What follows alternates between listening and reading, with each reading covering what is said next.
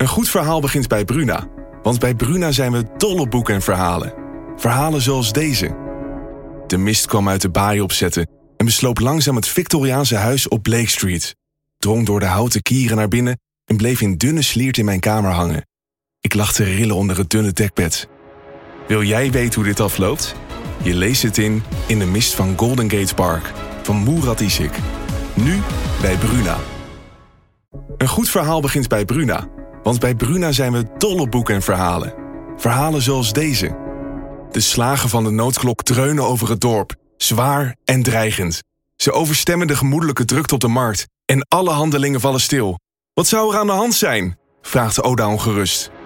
Wil jij weten hoe dit afloopt? Je leest het in Bloedlijn van Simone van der Vlucht. Nu bij Bruna.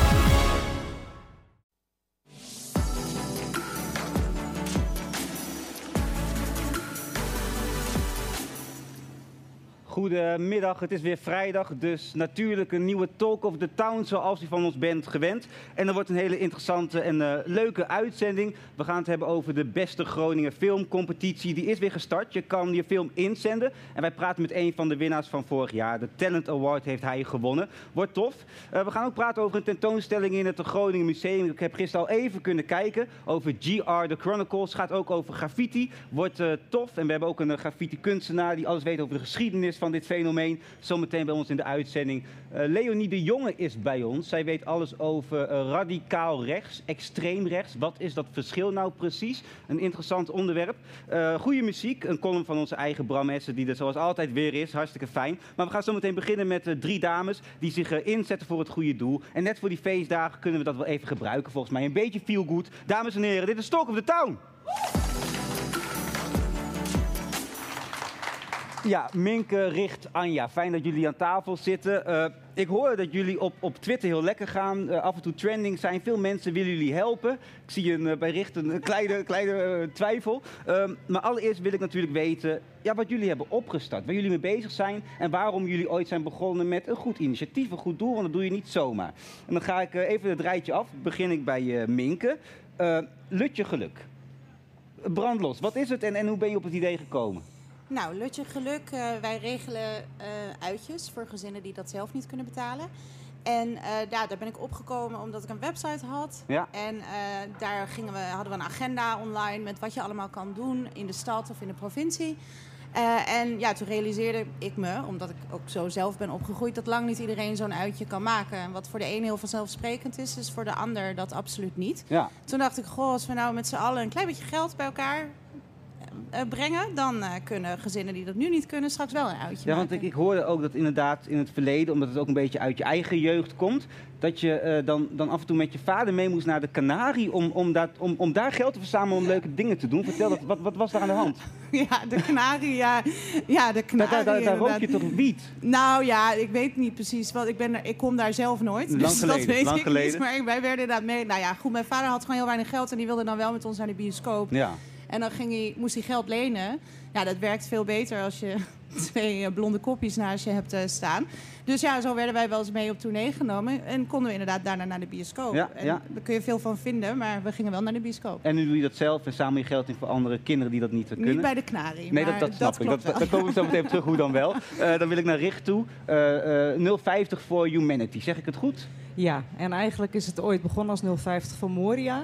Wij wilden vorig jaar september uh, waren de branden in Moria. Toen werd ik gebeld door mijn uh, lieve vriendin Lisa, Lisa Ja? Sportel. Zij is eigenlijk de aanstichter Maar van die dit zat, die zat in Moria? Hoe, hoe ging Nee, dat? die zat niet in Moria. Die dacht, jeetje, we willen wat doen. Zoals heel veel mensen wat uh, wilden doen. En die belde mij. En uh, toen ben ik op onderzoek uitgegaan van wat kun je doen... Ja. En uh, uh, om zo goed mogelijk die mensen te helpen. Want we kunnen wel slaapzakken of kleren verzamelen, maar die moeten naar Griekenland. En Mhm. misschien zijn daar wel netwerken om Ja. uh, dat te regelen. En, en ik kan me voorstellen dat je ook denkt, hoe kom, komt het wel goed terecht? Dat, Komt dat- het wel ja. goed terecht? Dat was vooral mijn zorg. Lisa is begonnen toen met een kunstmarkt, met Minerva. En ik ben op onderzoek uitgegaan. En ik, heb, ik kwam in een wereld die ik niet kende. En hoe zit- ondernemers dus mee in die wereld hoe die er nu uitziet, waar je dan concreet eh, mee bezig bent? Nou, ik kreeg eh, eerst een top 10 van iemand die daar meer van wist dan ik. En die zei, eh, dit is een goed rijtje en jij moet zelf kiezen. Want ik ga jou niet sturen. Want de wereld is vol met hele goede doelen waar het geld goed terecht komt. En toen heb ik uh, daar vier uitgekozen, samen met Lisa. En daar ben ik mailtjes naartoe gaan sturen. En toen werd ik gebeld door Team Humanity. En uh, die zaten op, uh, les, op Lesbos. En die zeiden... Um, we don't need money, but we need you. Ja. And I think we are, well, we are able to do something good with your money in about two or three weeks.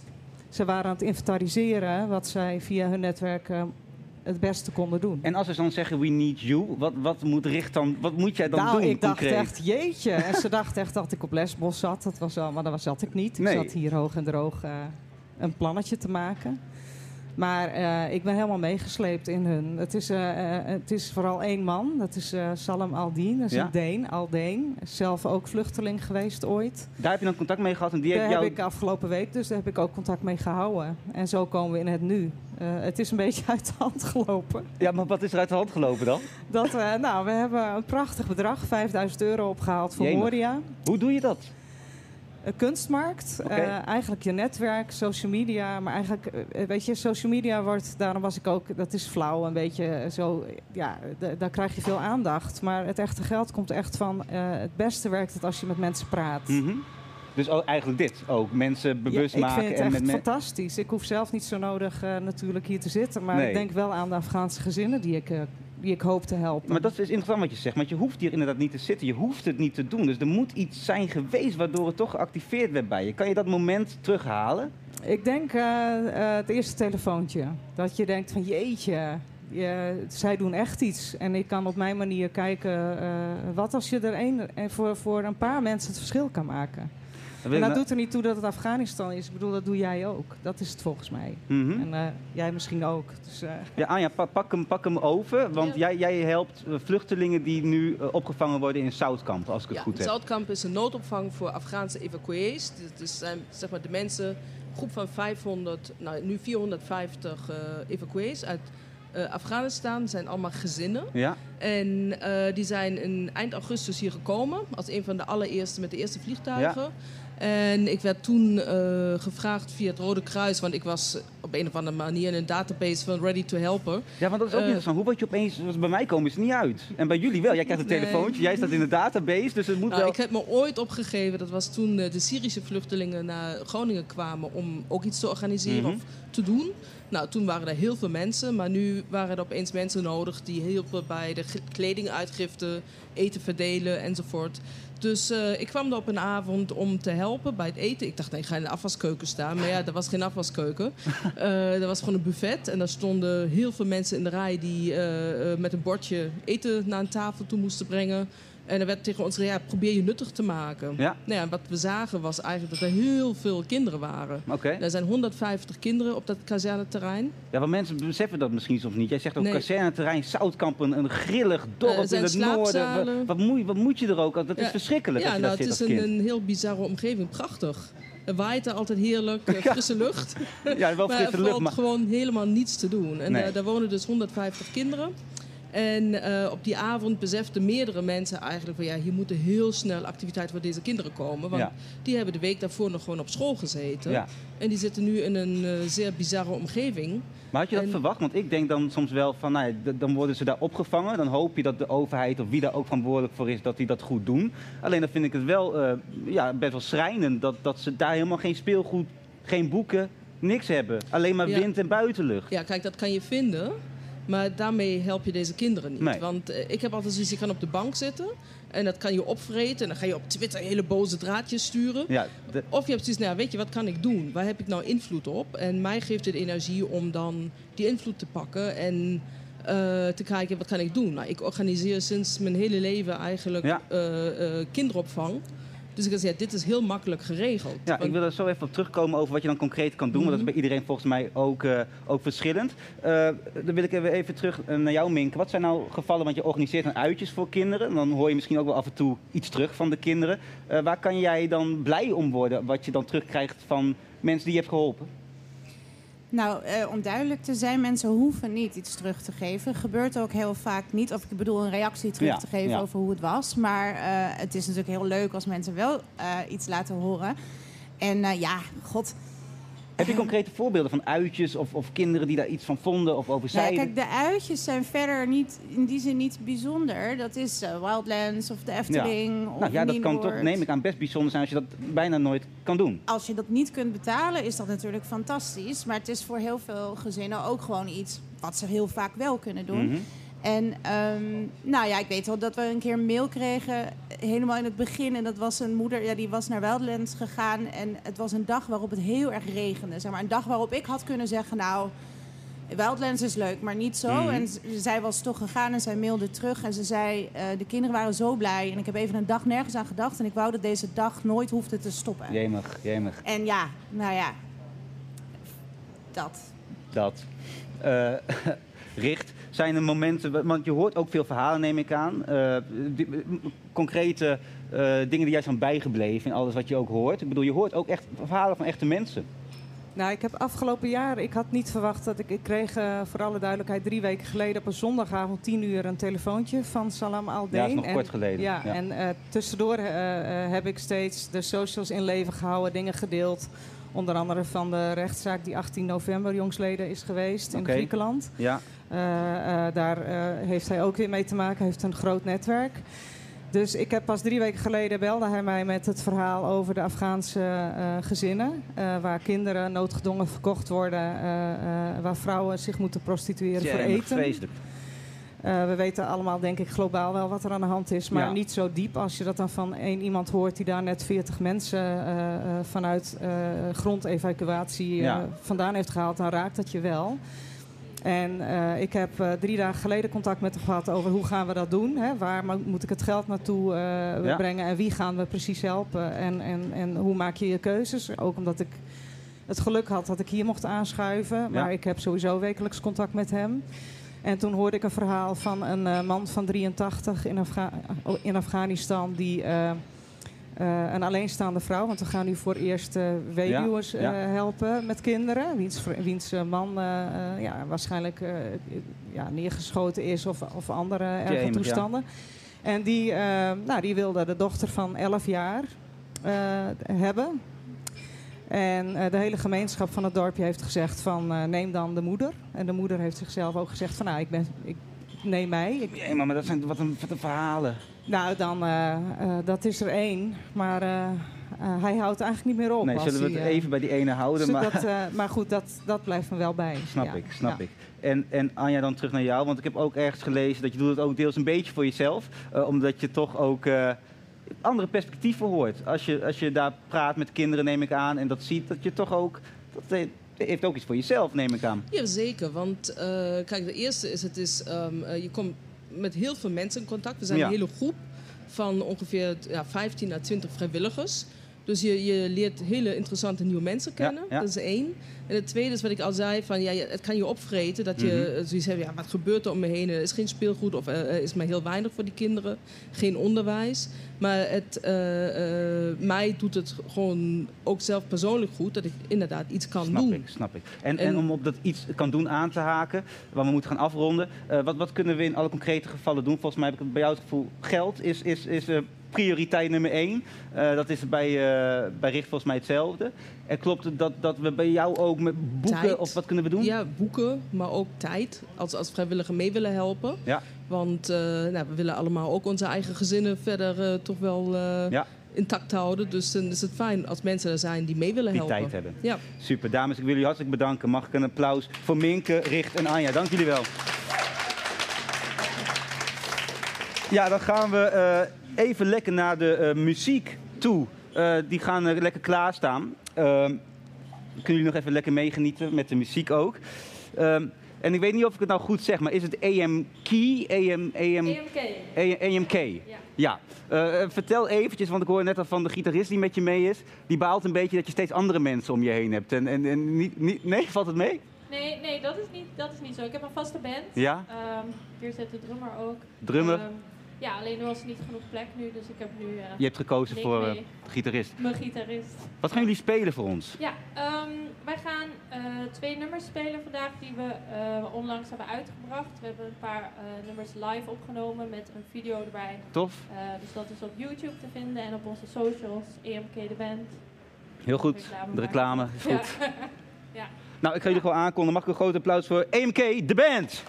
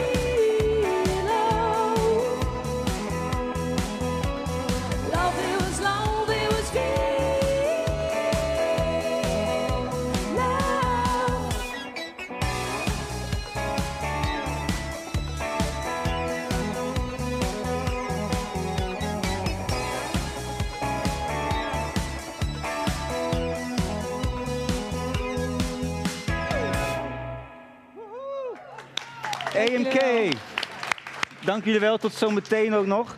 Eh, even een kleine shout-out naar onze muziekredacteur Louise, die eh, voor de goede muziek zorgt, ook bij ons. Hartstikke fijne band.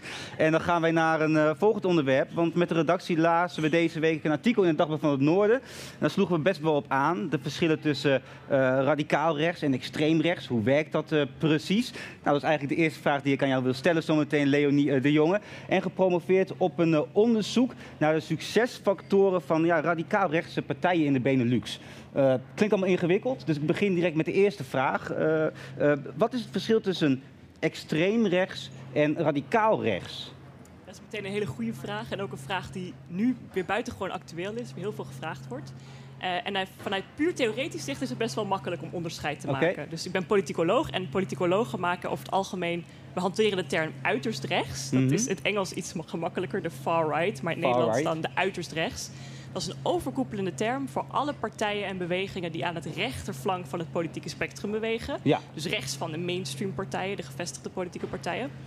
En daar heb je eigenlijk, dat is een overkoepelende term voor twee stromingen. Ja. Aan de ene kant radicaal rechts Mhm. en aan de andere kant extreem rechts. Radicaal rechts populistische partijen zijn over het algemeen partijen die nog wel meedoen met de spelregels van de democratie. De democratie aan zich niet in vraag stellen. Ja. Maar sommige ideeën staan wel op gespannen voet met de liberale democratie. Zoals eh, bijvoorbeeld de bescherming van minderheden. Maar eh, het is nooit oproepen tot geweld of eh, echt de democratie aan zich in vraag Dus stellen. ze blijven binnen de kaders van de rechtsstaat. Klopt. Terwijl extreemrechtse partijen dat niet doen. Die roepen bijvoorbeeld op tot geweld. Eh, die stellen de democratie aan zich in vraag. Dus vanuit een puur theoretisch perspectief best wel gemakkelijk om onderscheid te maken. Dat leg je ook best wel duidelijk uit.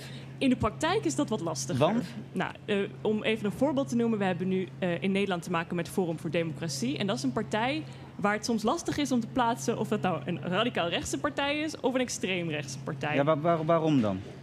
Je kan dus kijken naar bijvoorbeeld de partijprogramma's voor die partij om een stempel op te zetten op die Mhm. partij. En als je die partijprogramma's doorneemt, dan zie je eigenlijk niks wat echt direct in tegenstrijd is met de rechtsstaat, met de democratie. Dus echt op papier is het dan radicaal rechts? Ja, zou je zeggen, een heel duidelijke casus van een radicaal rechtse partij. Mhm. Dus eh, beweegt zich aan de rechterkant van het politieke spectrum. In die zin dat ongelijkheid gezien wordt als iets natuurlijks en waar de overheid niet moet ingrijpen Ja. om dat te bestrijden.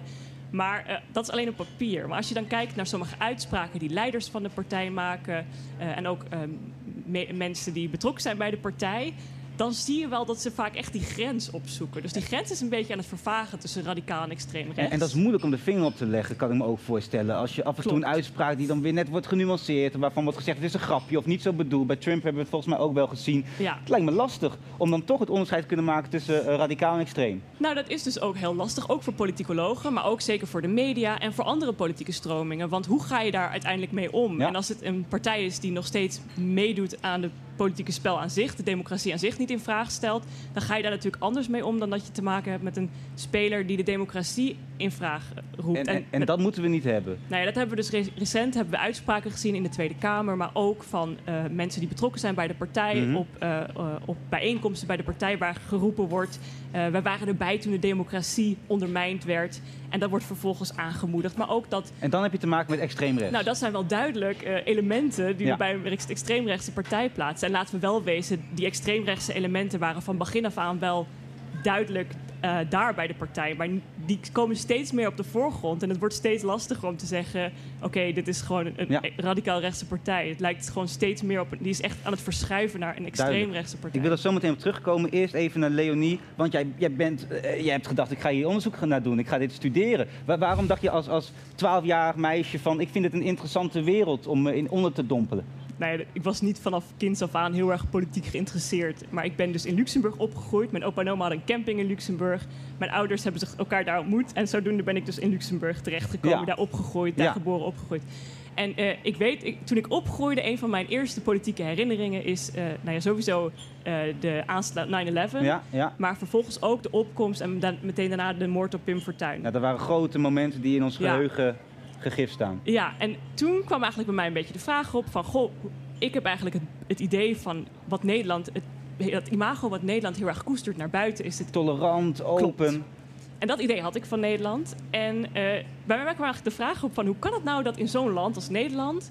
radicaal rechtspopulistische partijen opeens het zo goed doen? Terwijl in een land als Luxemburg, waar ik opgroei... waar Mhm. ik omheen kijk... de algemene Luxemburger leek me eigenlijk iets conservatiever... dan Ja, de ja. algemene Nederlander, voor zover dat bestaat. Duidelijk. Maar daar kwam die vraag op van hoe komt het nou dat in sommige landen en regio's radicaal rechtspopulistische partijen het zo goed doen en in andere niet? En als je kijkt wat ertussen ligt, wordt het helemaal spannend. Want daar ligt dus België. En België is gewoon een heel bijzonder land. Waar je in eh, de Franstalige regio in Wallonië, wat juist echt een armer regio is, daar zou je zeggen perfecte voedingsbodem voor de opkomst van radicaal rechts. Precies. Terwijl in Vlaanderen best wel rijk, ligt tegen Nederland aan. Daar heb je van ouds af weer al heel, heel lang te maken met een radicaal en extreem En, en als we dan naar die kern gaan, wat het interessante aan je onderzoek is, het is de Benelux. Het is een vrij klein gebied, maar Ja. toch eh, verschilt het daar enorm met hoe wij stemmen. Nou ja, hoe hoe dat- kan dat dan? Nou, dat is gewoon de puzzel waar ik dus wel eens 's nachts van wakker lig. Van hoe kan het nou dat in een regio die heel erg op elkaar lijkt, waar heel veel verschillende, heel veel, heel veel dingen gelijk zijn, zoals bijvoorbeeld het partijstelsel. Het is niet dat de mensen fundamenteel andere normen en waarden hebben. Mhm. Nee, Dus maar er zit wel een bepaalde rol misschien van media in. Wat is- nou ja, mijn onderzoek heeft twee hoofdrolspelers. Want die puzzel is dus echt grondslag van mijn onderzoek, waar ik dus onderzoek naar gedaan heb. En eh, de oplossing ligt eigenlijk voor mij in twee hoofdrolspelers. Aan de ene kant zie je een heel groot verschil van eh, hoe de media omgaan met dit soort stromingen. En aan de andere kant gevestigde politieke partijen Mhm. die in Nederland en in Vlaanderen echt erin gefaald zijn hun kiezers bij zich te houden.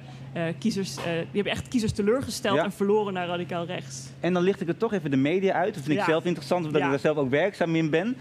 Hoe, hoe, moet, hoe moet de media omgaan met af en toe extreemrechtse eh uitlatingen? Ja, is natuurlijk ook nu weer heel actueel. Want eh, nu eh, hebben we daar dus steeds weer mee te maken in Nederland. Dus de vraag is, hoe ga je daarmee om? Moet je het isoleren? Moet je het negeren? Moet je het juist confronteren? Ja. En in mijn onderzoek laat ik zien dat er eigenlijk verschillende manieren zijn van hoe je ermee om kan gaan. En ik heb dus gekeken naar de Benelux-landen en daar ben ik in gesprek gegaan met hoofdredacteuren en heb gekeken naar van goh, hoe ga je daar nou mee om? Volgens mij heb je ook in Nederland bijna alle eh, redacties eh belangen Ja, en wat, wat je daaruit kan halen is dat er echt patronen zijn. Dus je ziet vooral in Nederland, na de opkomst van Pim Fortuyn, was echt een soort, dat was echt een omslagpunt voor de media. Ja. Waarna de media zijn gaan zeggen van goh, we moeten eigenlijk alle geluiden in de samenleving, waaronder ook radicale geluiden, ook een platform bieden. Precies. Alle geluiden moeten gehoord worden. En het is de rol van de media om eigenlijk een platform te zijn voor botsingen. Waar die meningen tegen elkaar mogen Mhm. botsen. En het is uiteindelijk aan de kiezer, aan de kijker, aan de lezer om te, kei- om te zeggen of dat nou goed of fout Maar is. was de media dan na Pim Fortuyn bang geworden voor demoniseren, voor te veel Absoluut. en te slecht iemand wegzetten, niet uitnodigen? Ja, en dat, dat is niet eens mijn analyse daarop, maar Nee, dat is echt wat hoofdredacteuren zelf ook zeiden. Hè, van toen, eh, dat was echt een soort shockmoment voor de media, waar de media zeiden van, goh, wij hebben toen met z'n allen veel te lang opgesloten Mhm. gezeten in ons eigen bastion. We moeten de volkswijk in, we moeten op zoek naar de gewone burger. Ja, ja.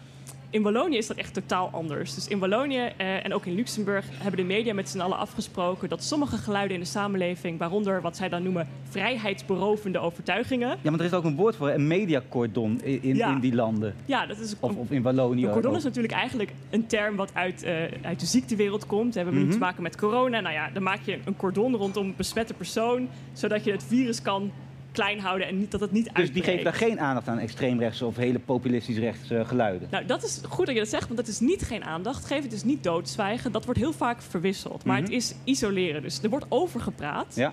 maar er wordt niet met gepraat. Dus ze, ze gaan ook wel eens met ze in gesprek, maar er wordt bijvoorbeeld nooit tijdens een live talkshow waar wij nu zouden zitten, eh, iemand met extreemrechtse, oftewel ook extreem linkse overtuigingen uitgenodigd om een platform te bieden. En daar blijven die partijen dus relatief klein. Ja, omdat ze eigenlijk in de kiem gesmoord worden. De media heeft een heel belangrijke rol, vooral in die beginfase van partijen. Ja. Om een platform te bieden. Want vanaf dat moment kan je voet aan de grond krijgen. Word je gelegitimeerd, wordt het stempel van extremisme eigenlijk weggehaald. Dus daar zie je geen Thierry Baudet met lavendel op een piano leggen. Nog niet. Nee? Nee. Nou, eh, misschien laten we dat ook zo houden. Maar wat is de belangrijkste les die wij alle kunnen leren of halen uit jouw onderzoek? Om af te sluiten.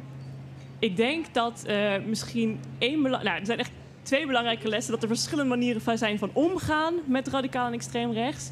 En wat denk ik ook heel belangrijk is, is om te benadrukken dat het een radicaal rechtspopulistische partijen zijn heel goed in eh framen dat zij een, ehm, een, eh, stille meerderheid zijn. Mhm. Hè? Dat zij een geluid hebben wat niet vertegenwoordigd Ja. wordt.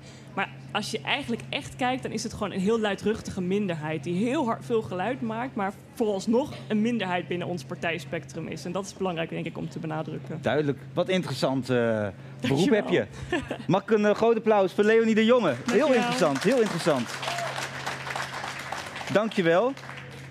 Ja, ik vind het ook altijd... Dat is, media heeft wel een bepaalde rol, hè? Dat toch? Van Nou wie geef je aandacht of niet? Wie, wie laat je praten? Ja, dat geeft ook jou natuurlijk weer verantwoordelijkheid. Ja, ja. Maar goed, dat is ook wel interessant. Maar we kunnen er ook heel lang over napraten, moeten we niet doen. Ja. Maar we gaan naar de kollen. Maar dat ook bijvoorbeeld eh, mensen in media hebben ook al een, bepaald, eh, een bepaalde kleur. Of die hebben ook een bepaald idee. En, en daarmee mee no- We moeten het afronden. We Ja, gaan daar de show verder over praten, Leonie. Eh, Bram Essen, eh, je bent moe, hè? Ja, Nathan, eh, een beetje moe. Een misschien beetje wel, moe. ja. Ik kan je wel vertellen hoe mijn dag eruit ziet. Ik sta s morgens vroeg wel gewoon op. Ik zou het liefst willen blijven liggen. Ja. En dan is het een kwestie van eh, ontbijt maken, pap voor de kinderen. Nou ja, brood smeren en dan iedereen naar school brengen. Oh, wat En dan komt het dikwijls komt het dan voor dat ik er terugkom en blijkt het brood niet in het trommeltje te zitten. Kan ik weer naar school. Nou, dan is het voor jou even een fijn uitje hier bij ons. Ja, dit is zeker even een ontsnappingsmoment. Ja, Ja. absoluut. Ja, mag ik een applaus voor Bram Essen? Onze buurvrouw is al een hele tijd aan het opruimen en heeft de gang volgezet met spullen die afgevoerd kunnen worden. Het is een proces van maanden, vertrouwde ze ons toe. En eigenlijk is het ook helemaal geen opruimen. Dit is marikondoen wat ik doe. Marie Kondo blijkt een opruimgoeroe uit Japan te zijn. Ze heeft wereldwijd mensen geïnspireerd en heeft zelfs een eigen Netflix-serie. Marie Kondo ziet er precies zo uit zoals je zou verwachten van een Japanse opruimgoeroe. Ze is een beetje petiterig, eenvoudig gekleed en heeft een spinnenfobie. De methode van Marie Kondo is het beste te omschrijven als spiritueel opruimen. Onze buurvrouw deed voor hoe het moest. Ze pakte een vaasje en probeerde de ziel van het object te doorgronden. Ze wilde weten of ze er nog mee kon connecten, legde ze uit. Dit is wat Marie Kondo de spark of joy noemt. Een vonkje van genegenheid. Die kwam er niet. Ze bedankte het vaasje voor de bewezen diensten en vroeg toen of wij het wilden hebben. Wij zeggen zelden nee. In de praktijk komt het erop neer dat wat er bij de buurvrouw uitgaat, er bij ons weer inkomt. Na het overhandigen liep ze met rechte rug bij ons vandaan. Ik zweer je dat ik haar zag zweven. Dat lichte gevoel, dat wilde ik ook. En ik besloot de proef op de som te nemen en op zoek te gaan naar de spark of joy. Het eerste de beste ding dat me voor de voeten kwam, een reusachtige teddybeer, pakte ik op en ik keek het diep in de glazen ogen. Er kwam niks. Geen spark of joy. Die kon dus weg. S'avonds vroeg mijn vrouw wat haar teddybeer op de gang deed. Die beer is het huis uitgemarikondood, zei ik. Het was een knuffel die haar vader voor haar had meegenomen uit Italië toen ze vijf was. Haar vader was vaak op zakenreis en miste wel eens een verjaardag. Die beer betekende veel voor haar. Wat bleek? Marikondo moet je vooral toepassen op je eigen spullen. En dat was een stuk lastiger. Ik stelde het dus nog maar even uit. Afgelopen week was mijn bril eventjes opgeslokt door de kolkende zee van rotzooi in ons huis. Toen de chaos mijn bril twee dagen later weer prijs gaf, voelde ik daadwerkelijk een spark of joy. Hé, hey, dacht ik, dat hebben nette mensen nou nooit. Zo'n geluksgevoel bij het weerzien van een object dat ze voorgoed verloren hadden gewaand. Even speelde ik met de gedachte een anti-Marikondo-goeroe te worden. Eentje die juist de chaos promoot. Ik zou zeggen, zoek niet langer. Het komt vanzelf naar je toe. Of niet. De zee neemt en de zee geeft.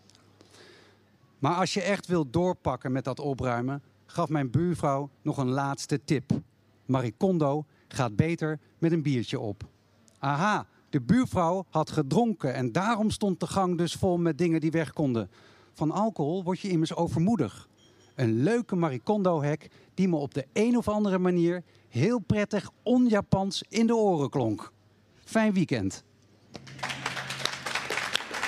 Bram Messer, dankjewel. Aan tafel Geertje Smeding van het Groningen Museum en eh, Hugo Engweda, alias eh Kladmuur. Klinkt ook heel goed, weet alles over graffiti, fijn dat jullie er zijn. En eh, gisteren mochten ze wel even met je mee naar het eh, Groningen Museum om te kijken naar de tentoonstelling GR The Chronicles. In combinatie met graffiti, waar jij zo meteen ook veel over gaat vertellen. Eh, allereerst even kijken, een kleine impressie van de tentoonstelling.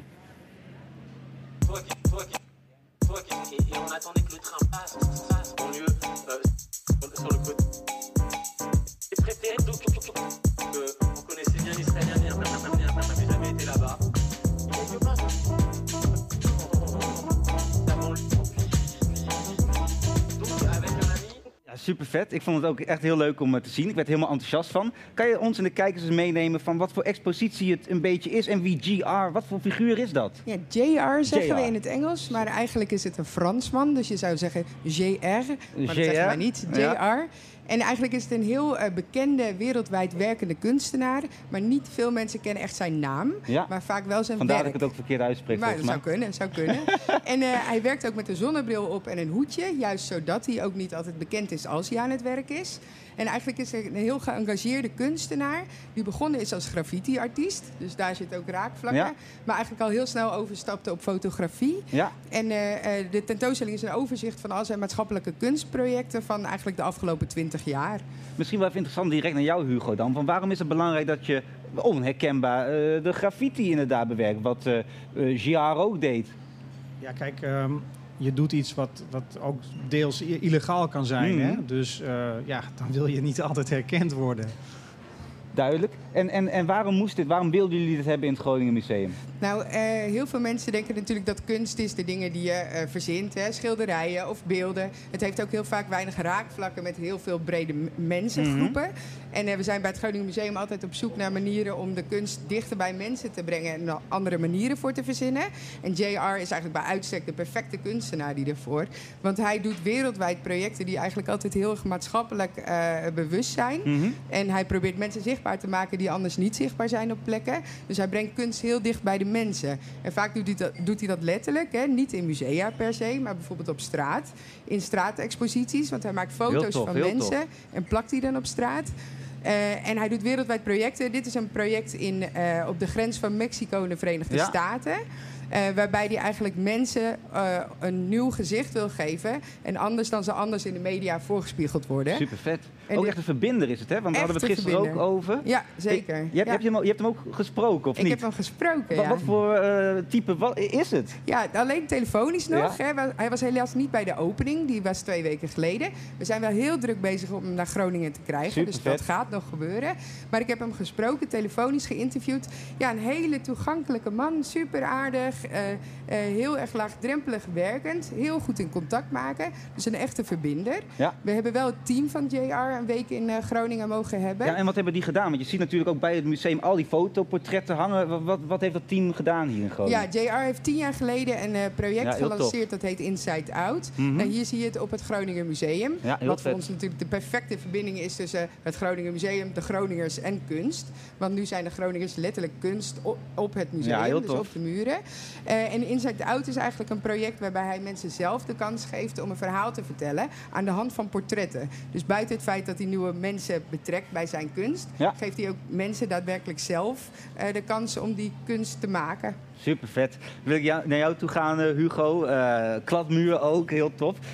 Jij, jij maakt graffiti, je hebt dat ook gedaan, geeft ook les. Wat, wat is jouw rol geweest, of is jouw rol in deze expositie? Tussen, tussen GR, maar ook tussen New York en Groningen. Ja, dan moet je eigenlijk terug naar de jaren negentig. Toen kwam ik in Groningen wonen om te studeren, zoals zoveel eh, jonge mensen, zeg maar. Ik kende de stad eigenlijk helemaal niet zo goed. Nee. Ehm, ik was als tiener heel veel met graffiti bezig. Dat bracht mij op de kunstacademie, Minerva. Ehm, ik liep hier over straat en ik zag al die, die schrijfsels op muren. Ja, maar neem even mee, want ik ben een kind van 1991. Oké. Dus, ik, dus, dus hoe, maar hoe, hoe, hoe zag de, die, scene- eh, die scene er toen uit? Wat, wat zag je op straat? Nou, dat zie je nog steeds op straat. Je ziet dat er van alles op muren is geschreven, zeg maar. En eh, als je dat interessant vindt, dan kun je daar allerlei dingen in ontdekken. Ja. En wat ik vooral, eh, waar ik vooral heel nieuwsgierig was, waar komt dit vandaan? Waar, hoe is dit graffiti ooit ontstaan? En je kunt al lezende, de muren lezende, kun je best wel stijlen eh, herkennen. Je kunt op een gegeven moment best herkennen, zeg maar, dat iets uit 1988 komt, bijvoorbeeld. Vet, vet. En ik wilde weten tot hoe ver ik dan terug zou kunnen Ja, want waar kwam het vandaan? Hoe ver kan je, hoe ver kan je Ja, terug? hoe ver kun je teruggaan? In, dat is een goede vraag. Ehm, nou, ehm, eh, toen ik zeg maar een jaar of twaalf was, eind jaren tachtig, toen, toen ging ik daarmee mee klooien met graffiti. Mhm. En, en ja, er, er zijn geen geschiedenisboeken, dus je moet dat ja, via via kun je dingen ontdekken, maar de geschiedenis is eigenlijk niet vastgelegd. Dus ehm, ik ging zelf veel fotograferen. Vet. En eh, mensen wisten dat op een gegeven moment van mij en gaven mij hun, hun collecties of dingen die ze Ja. tegenkwamen. Dat, werd eigenlijk dat liep uit de hand. Dat werd een heel groot archief. En zo, met dat archief ging ik weer naar mensen toe. En zo werd de sneeuwbal eigenlijk veel, Cool. steeds groter, Cool. zeg maar. Nou ja, ik kwam op een gegeven moment Mickey tegen, een hele bekende Groningse graffiti-artiest. Ja. Eh, zij bracht mij in contact met Pinox. En dan, en dan zijn we op een gegeven moment in 1982 zitten we.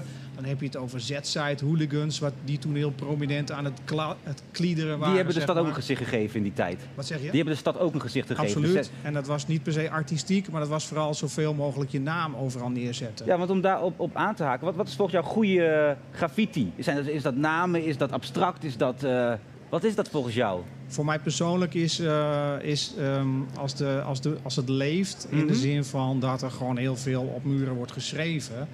En ehm, soms zie je ook bijvoorbeeld kunst, dit- dat is dan af op een gegeven moment. En dan Ja. is het gewoon gefixeerd en dan blijft het voor altijd zo. Ik vind het zelf heel leuk als, als muren leven, zeg maar. Als daar laag op laag gewerkt wordt. Ja. En wij, wij Ehm. kregen net wat binnen. Ik onderbreek je even, het is bijna live lijkt het nu. Maar we kregen dit binnen. Ben ik even benieuwd wat jij ervan vindt. Oost-Groningen, een Twitter-account. En er stond een Groningse verloedering. Terwijl, ja, we, zijn, waren we even benieuwd wat hoe jij hierop reageert. Ja, natuurlijk. Terwijl dit is eh, gewoon, dit is gewoon ja. graffiti in de Het puurste is, eh, vorm. het is verloedering, het is vandalisme. Ja, Eh, vind ik het mooi niet per se. Maar ik, eh, ik, ik weet niet wie dit gemaakt heeft. Het kan een 12-jarige zijn die Mhm. zijn eerste stapjes eh, richting een kunstcarrière zet. Dus ik kan het moeilijk eh, duiden wat het is. Ja. Maar het is natuurlijk niet per se heel artistiek. Nee, maar het is, wel, het is wel een kunstvorm toch ook? Zo kunnen we het toch ook Nou, wel zien? Het is, ik beschouw het niet als kunst in die zin. Ik beschouw het als een soort van minkvorm tussen kunst en vandalisme. Het is een, een categorie op zichzelf. Wat het juist extra interessant maakt. eh. Ja, maar spannend, ja, zou je kunnen zeggen. Net als skaten op straat, dat mag ook niet, hè? Op trappetjes voor de Ja. Albert Heijn of Ja, zo. Maar dat dat wordt waar. ook gedaan. Dat is waar. Ja. Een vraag aan beide dan. We zien vooral buiten, op eh, op muren. Ver- verliest het dan niet het karakter als het opeens in een museum te zien is? In een geordend gebouw? Nou ja, als het om JR gaat, hè, eigenlijk eh, wil hij voornamelijk projecten buiten doen. Maar de projecten binnen, dus in galeries of in musea, dat zorgt er natuurlijk ook voor dat werk aangekocht wordt. Of dat, waar. daarmee ook weer geld verdient om projecten buiten te doen. En hij wil helemaal geen sponsoring of bedrijven die daarbij betrokken zijn. Dus in die zin vinden wij wel dat het passend is als je het ook combineert met bijvoorbeeld werk buiten. Want Inside Out hebben we net gezien hè, op de muren van Is het museum. buiten. Maar dat is nu ook in Vinkhuizen of eh, in Stadskanaal, eh, op het Noorderpoort. Dus op allerlei verschillende Ja. locaties buiten het Ja. museum. Ja. En Hugo, waar moeten mensen op letten als ze niet zo in de scene zitten zoals jij erin zit? Ze gaan toch naar het Groningen Museum toe bij de tentoonstelling. Waar moeten ze op letten? Wa- wij hebben dus die geschiedenis eh, verzameld. En er zijn heel veel unieke beelden. Beginnend in eind jaren 70, wanneer vanuit de punkcultuur op muren wordt geschreven. En dan was het vooral de promotie van bandnamen. En je ziet eigenlijk die hele evolutie van, van de eerste babystapjes tot, Vet. tot een, de basis van wat nu street art is, zo rond 92. En wat misschien nog wel leuk is om te vertellen is dat ja, Groningen, het museum kennen we natuurlijk. Eh, de directeur destijds Frans Haks, die dit gebouw ook eh, daarvoor Ja, gezorgd ja. heeft dat dat kwam. Die, die stak zijn nek uit door een, een, wat niet kunst is, het museum in Die te hield van provoceren, die man. Juist. En eh, hij haalde New Yorkse subway graffiti artiesten naar Groningen. Achteraf bekeken was dat heel bijzonder. Mhm. Eh, dat gebeurde eigenlijk nergens ter wereld, maar wel in Groningen. Nou, wij hebben ook heel veel van dat beeldmateriaal in de expositie eh, verwerkt. Ik, Ja. Als het goed is, zag ik het ook. En dat is misschien een mooie anekdote om mee af te sluiten. Dan over die deur. De, die, de, de directeur die had een afterparty gegeven. Er kwamen alle eh hiphoppers uit de scene uit New York, Groningen bij elkaar. En toen uiteindelijk, wat is, het toen met die, wat is er gebeurd op die Ja, avond? het Groningen Museum was al heel snel zeg maar, met de aankoop ook van graffiti. En het erkennen van graffiti als een kunstvorm. Dus er zijn eigenlijk twee hele grote tentoonstellingen geweest. En Ja. bij de tweede in 1992 werd eh, de New Yorkse graffiti scene, allemaal hele hippe gasten. Ja, heel vet. Op de foto's, eh, dat kunnen we terugzien. Die werden naar Groningen gehaald. En de toenmalige conservator gaf een afterparty. Waarbij de hapjes, ja, daar word ik dan heel enthousiast van, gevulde eieren. Ja. En dan die hele hippe New Yorkse scene. Een paar Oost-Groningse Ja, graffiti geweldig. schrijvers die mee worden genomen door Eileen, Mickey. En eh, die gingen daar ter plekke de deur taggen. Want dat doen graffiti-schrijvers. Ja. En eh, toen we bezig waren met deze tentoonstelling, ook samen met Hugo en Kladmuur, eh, kwamen we erachter dat die wc-deur bewaard is gebleven. En die originele Geweldig. tekst staan er nog op. Dus inmiddels hebben we de, eh, de weduwe van de toenmalige conservator gevraagd of wij die wc-deur mogen tentoonstellen. En die, En die staat is nu in nu. het museum. En zij heeft nu een tijdelijke wc-deur. Dan is het verhaal helemaal rond vanaf het verleden tot nu. Ja. En ik roep iedereen op, ga naar het Groningen Museum, want het is nog te zien. Dank jullie wel. Ja, dan gaan we naar onze laatste gast, Lenny Kroos. Kom er lekker bij. Eh, ja, want die heeft iets heel moois gedaan. Die heeft een, eh, een documentaire gemaakt, een film eh, vorig jaar. En dit jaar kan je weer meedoen aan de beste Groningen filmprijs. en jij hebt hem vorig jaar gewonnen, eh, award, Ja. voor eh, jong talent. Zeker. Geweldig. Eh, en, en je werd toen verrast op een bepaalde manier. Eigenlijk wil ik daar eerst even naar kijken toen je die prijs in ontvangst mocht nemen. Oh, wauw. En dat doen we hier. Eh, ja, het is het mooie centrum van Groningen. Ik zie hier een deur. En ik zat even te kijken. Volgens mij zie ik mensen binnen al een beetje juichen. Nou, dat kan maar één ding betekenen. Dat ze namelijk. eh oh, opzitterheid open. Nou, ik zie, me- als je, ik zie mezelf nu in het scherm. hallo. Hallo, gefeliciteerd. Dankjewel, dankjewel. Ja. Wacht, eh, pak hem vast. Kijk jongens. Ja. dat is geweldig. Hoe is dit? Ja, dit voelt geweldig. Ongelooflijk. Ongelooflijk, ja. Ja. Ik heb, nog Geen een- bon. eh, ik heb nog iets bij me. Dat is een beetje onhandig, maar kijk eens even wat in het eh, tasje zit. Oh, dankjewel. Nou, die gaan we even uitpakken. Ja, pak hem maar. Ik wacht even. Oh jeetje, ik ben gespannen. Ik ook. Ik was zo gespannen vandaag. Ik werd wakker. Ik dacht, ja, dit is, dit is de dag. Ik kon echt niet meer slapen. Dus ik de hele dag aan gedacht. Oké. Oh. Kijk, daar is die. Wauw. Prachtig. Ja, super. Echt Maar, eh, geweldig. Ja, Lenny, dit, dit, dit is een beetje een miljoenenjachtachtig eh, gevoel, Ja, hè? Dat je op zondagavond iemand voor de deur hebt staan. Zo voelt het ook. Voelt het ook. Ja. Want, want je hebt de award gewonnen voor eh, talent in de categorie. Eh, wat voor film heb je gemaakt? Neem ons dus mee. Waar, waar gaat die over? Oeh, daar gaan we dan. Eh, de film gaat over, de documentaire gaat over eh, eh, professional worstelen, pro wrestling. Eh, Amerika heel groot, in Nederland iets minder groot. Eh, we volgen twee personen, Julia en Joe. Joe is echt een veteraan en Julia is een, eh, is een meisje wat eh, de eerste vrouwelijke Nederlandse worstelaar bij eh, Pro Wrestling Holland kan worden. Dus die twee verhalen gecombineerd maakt de documentaire. En, en wat was jouw rol? Wat, voor mij was je een beetje het creatieve brein achter het proces. Hoe zou je jouw rol omschrijven? Ongeveer, ja, dat onder andere. gefilmd ook, eh geëdit. Maar ik kon het niet zonder mijn groep. Het was echt een, Ja. echt een teamwerk. Ja. En, en ik ken hem persoonlijk, Dick Visser, een grote man binnen de Hans Hogeschool. Eh, Hele grote man. Hele grote man. Eh, Maar daar hebben jullie ook een eh, uitmuntend cijfer voor gekregen. Je hebt een 10 gekregen op deze film. Waarom denk je dat deze film een 10 waard was en dat je dus ook de prijs won? Wat, waren, wat was er zo bijzonder aan? Ik denk dat alles eigenlijk gewoon klopte. Het verhaal, ehm, de, de hoofdpersoon, heel erg belangrijk natuurlijk. Ja. Maar ik denk vooral het verhaal. Want het was best wel geinig. Want in het begin wilden we eigenlijk eerst de sport vertellen. Wat is het eigenlijk? Want heel veel Nederlanders hebben eigenlijk nog best wel een suf idee van de sport. Mhm. Maar uiteindelijk eh, kwamen die twee verhalen van de hoofdpersonen zo omhoog... dat we dachten van ja, het is veel leuker en belangrijker om te laten zien dan de sport. Uiteindelijk hebben we de sport ook laten zien. Maar het op een ja, kleine gedeelte. Tof. En wat wil je mensen meegeven die denken, ik ga ook eh, mijn film inzenden. Of ik ga hem zelfs nog maken en ik ga hem inzenden komende weken. Eh, wat moet je doen om een goede film te maken en die prijs dit jaar in de wacht te slepen?